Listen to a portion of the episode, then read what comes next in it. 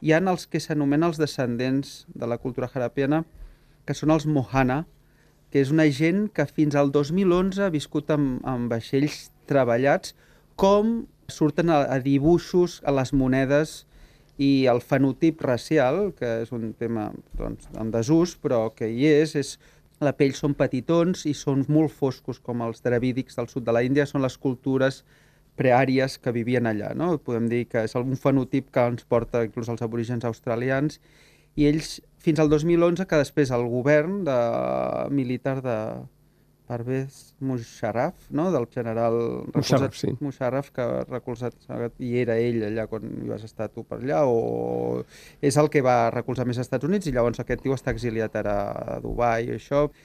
Primer hi havia el general Zia ul Haq en el primer viatge. El que va carregar-se el, el Bhutto, no? Sí, sí, sí, sí, sí, sí, sí. El general Zia ul Haq i després hi, va, hi havia el, el president que has esmentat. Aquest va fer una política de treure els, els Mohana de la seva forma de vida ancestral, que els conduïa fins a l'època harapiana, fa 5.000 anys.